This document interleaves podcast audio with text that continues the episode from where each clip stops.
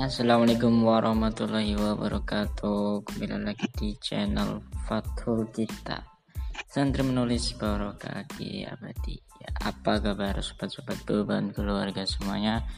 Jadi kali sebelum kita ngehalu dan overthinking Alhamdulillah kita bisa sharing tulisan-tulisan menarik Keislaman yang aktual Di channel kita, channel Fathul Kitab Yang semoga bisa memberikan manfaat di waktu rebahan kita semuanya. Kali ini kita akan membahas tentang Islam, hubungan antara Islam dan Pancasila. Sebagaimana eh, kemarin 1 Juni merupakan Hari Pancasila. Eh, untuk kelima kalinya kita eh, bangsa Indonesia eh, me, untuk kelima kalinya ada libur nasional Hari Pancasila.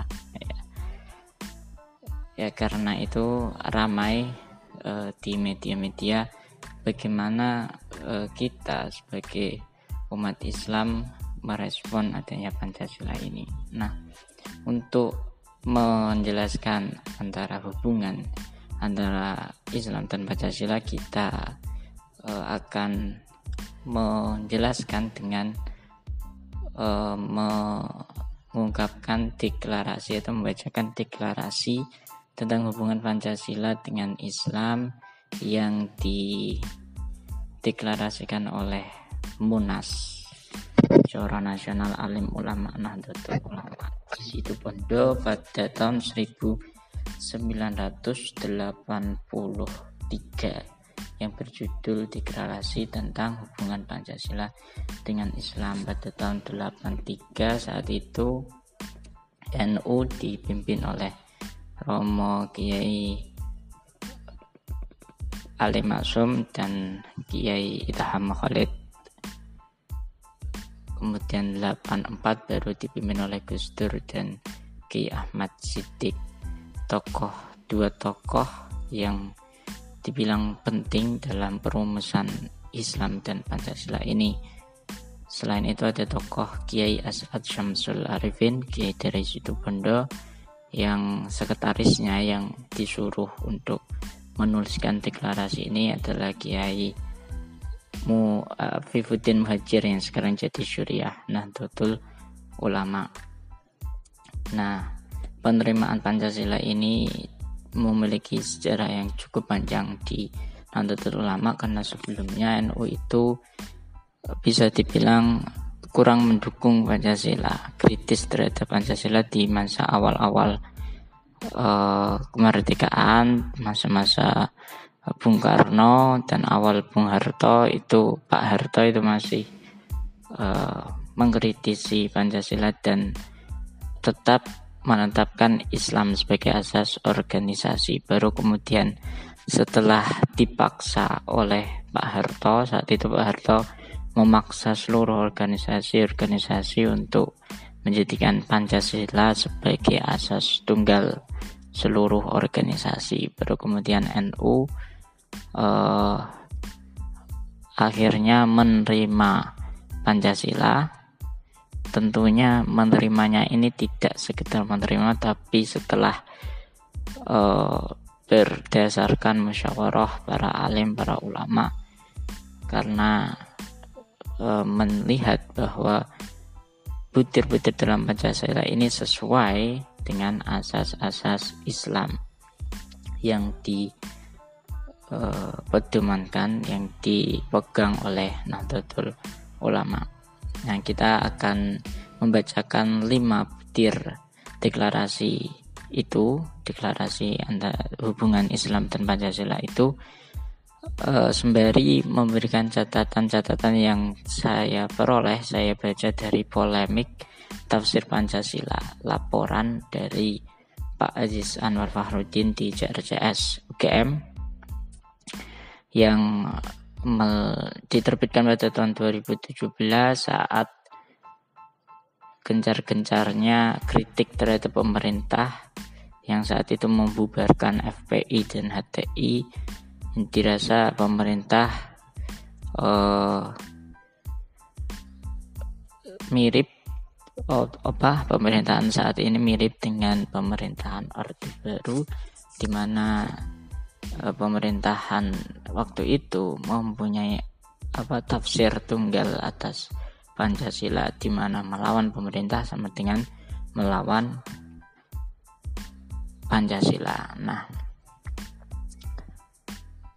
kemudian tulisan Pak Aziz tadi itu mencoba memberikan tesis, memberikan suatu uh, wacana atau suatu tesis bahwa dilihat dari sejarah awal perumusan dari sebelum sampai sesudahnya perumusan Pancasila itu Pancasila itu bisa dibilang multi tafsir lalu bagaimana bisa ada tafsir tunggal atas Pancasila kira-kira tulisannya seperti itu. Kita mulai deklarasi tentang hubungan Pancasila dengan Islam. Munas Alam Ulama NU di situ pada tahun 1983 Bismillahirrahmanirrahim. 1 Pancasila sebagai dasar dan falsafah negara Republik Indonesia bukanlah agama.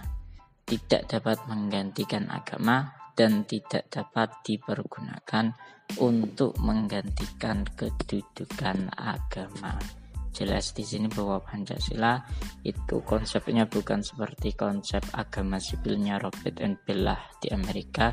Di Pancasila ini uh, hanya sebagai dasar dan falsafah negara, dasarnya negara. Tidak bisa menjadi agama sipilnya negara. Karena itu Pancasila tidak boleh atau tidak bisa mau gantikan posisi agama entah itu uh, kalau kita kaitkan dengan uh, dulu bahwa politikus Islam di zaman-zaman awal Pak Harto yang saat itu menerapkan P4 P4 penataran itu P4 penataran Pancasila untuk pegawai-pegawai dan juga pelajaran moral Pancasila bagi Eh, siswa-siswa di sekolah itu dikecam oleh para politisi Islam uh, yang saat itu diwakili oleh PP3 salah satu politikus yang mengkritik P4 tadi adalah Kiai Bisri Shansuri karena uh, menurut mereka seharusnya moral pendidikan moral itu menjadi ranahnya agama tidak bisa digantikan dengan Pancasila. Karena agama kan salah satu sumber digalinya Pancasila. Mestinya moral atau pendidikan moral itu tidak dibatasi pada hasil galian pada Pancasila itu tapi dari sumbernya langsung yaitu agama.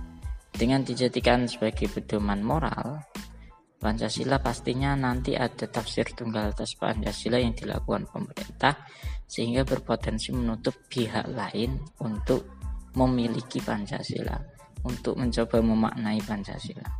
Pemerintah mestinya lebih fokus pada apakah Pancasila ini sebagai dasar dan falsafah negara hanya sebatas itu ya dasar falsafah negara. Apakah memang sudah diamalkan oleh pemangku kebijakan negara yang merupakan mereka sendiri pemerintah sendiri dalam mengelola negara? Karena sebenarnya banyak paradok yang dikemukakan para pengamat sosial waktu itu yang juga mengkritik P4 dan PMP dan sebagainya.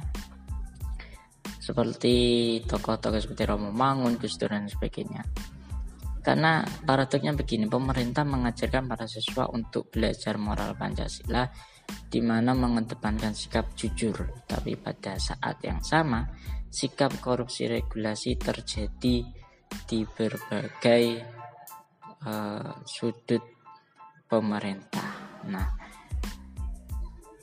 karena itu uh, sebaiknya pemerintah itu fokus pada apakah Pancasila ini sudah diamalkan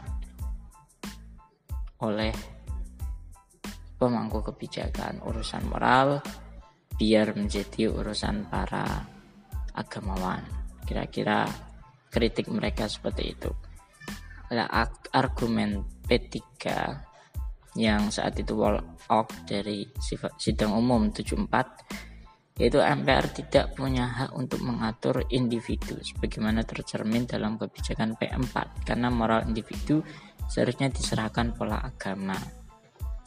Melihat detail buku-buku PMP yang menurut P3 antara lain telah menyatakan bahwa semua agama sak sama sakralnya dan mengafirmasi acara doa bersama lintas agama alih-alih menjadi jembatan dari berbagai agama, kasarannya Pancasila malah seolah-olah menjadi semacam agama baru. Dan itu kira-kira seperti itu. Lalu di akhir-akhir ini ada uh, suatu pertanyaan yang dipicu dari pertanyaan-pertanyaan di tes wawasan kebangsaan para pegawai KPK bahwa disuruh milih mana antara Al-Quran dan Pancasila. Ini pertanyaan yang tidak bisa dijawab dengan pilihan ganda ya kayak A atau B ya. Tidak bisa begitu. E, pertanyaan ini mesti e, dilihat bahwa keduanya memiliki posisinya masing-masing. Sebagaimana yang sudah disebutkan tadi, Al-Quran itu sumbernya, Pancasila itu hasil galian yang berasal dari berbagai sumber yang salah satunya adalah agama, yaitu juga termasuk Al-Quran. Nah, jadi antara sumber dan galian ini kan beda. Tapi kalau dikontekkan dalam konteks negara, maka keduanya ini bukan saling menolak, tapi keduanya ini saling terkait karena itu tadi Pancasila sumbernya dari Al-Quran, sebenarnya agama dibuktikan dengan banyak apa semua sila-sila dalam Pancasila itu mempunyai dasar Al-Quran. Nah,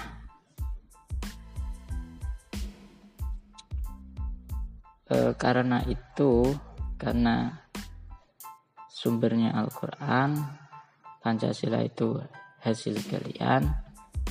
Nah hasil kalian itu kan disesuaikan dengan e, konteks yang ada yaitu konteks berbangsa.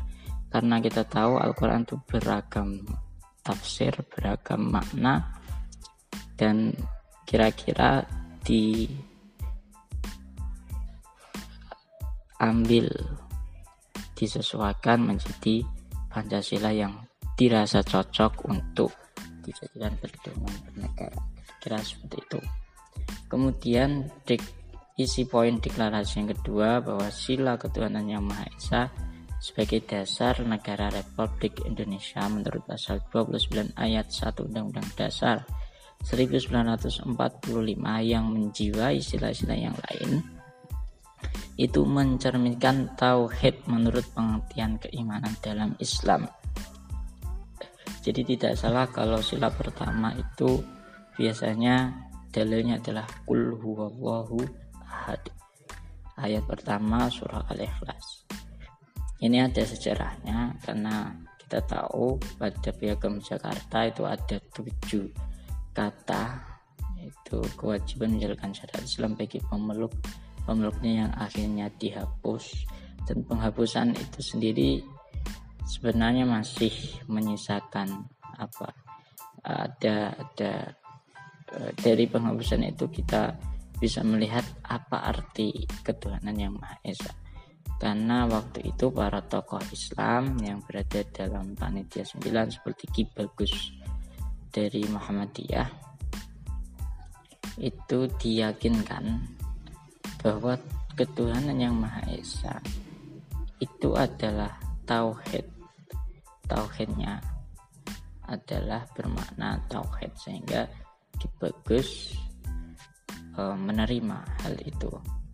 Kemudian Bung Hatta juga melobi tokoh-tokoh Islam agar rela menerima pencoretan tujuh kata itu dengan menjelaskan bahwa Tuhan yang Maha Esa adalah Allah, tidak lain kecuali Allah.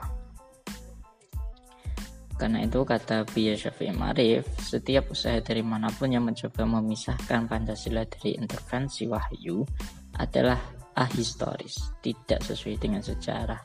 Sebab Pancasila yang dirumuskan pada 18 Agustus 45 itu tidak sama dengan formula Pancasila yang disampaikan Bung Karno pada 1 Juni 45. Lebih eksplisit lagi, Buya Syafi'i menyatakan bahwa sila pertama jelas sekali menunjukkan bahwa konsep ketuhanan dalam Pancasila bukanlah semata fenomena sosiologis, melainkan refleksi dari ajaran Tauhid. Kemudian yang ketiga, bunyi butirnya adalah bagi Nahdlatul Ulama, Islam adalah akidah dan syariah, meliputi aspek hubungan manusia dengan Allah dan hubungan antar manusia Nah, Pancasila itu mengakomodasi keduanya, mengatur hubungan dengan Allah, juga mengatur hubungan dengan sama manusia hablum Allah dan hablum nas sehingga keduanya saling terkait dalam Pancasila. Jadi bertauhid yaitu sila pertama tadi itu berkonsekuensi pada sikap kemanusiaan, persatuan dan musyawarah untuk mewujudkan kesejahteraan. Sebaliknya, sikap-sikap kemanusiaan kita, sikap-sikap persatuan, sikap-sikap musyawarah dan jalan menuju kesejahteraan itu mesti didasari oleh tauhid, bukan sekuler. Kemudian butir keempat, penerima dan pengamalan Pancasila merupakan perwujudan dari upaya umat Islam Indonesia untuk menjalankan syariat agamanya karena kelima sila dalam Pancasila itu sejalan dengan ajaran Islam dalam ayat-ayat Al-Quran dan lima hal yang dirumuskan para fukuha sebagai mengkonstitusi syariah hifdzul mal, hiduddin, hifdzul man, nasl, dan sebagainya. Sebagai konsekuensi dari sikap di atas, Nahdlatul Ulama, ini poin kelima, berkewajiban mengamankan pengertian yang benar tentang Pancasila dan pengamalannya yang murni dan konsekuen oleh semua pihak. Demikian Fatul Kitab kali ini. Semoga bermanfaat. Jaga, jangan lupa jaga kesehatan. Wassalamualaikum warahmatullahi wabarakatuh.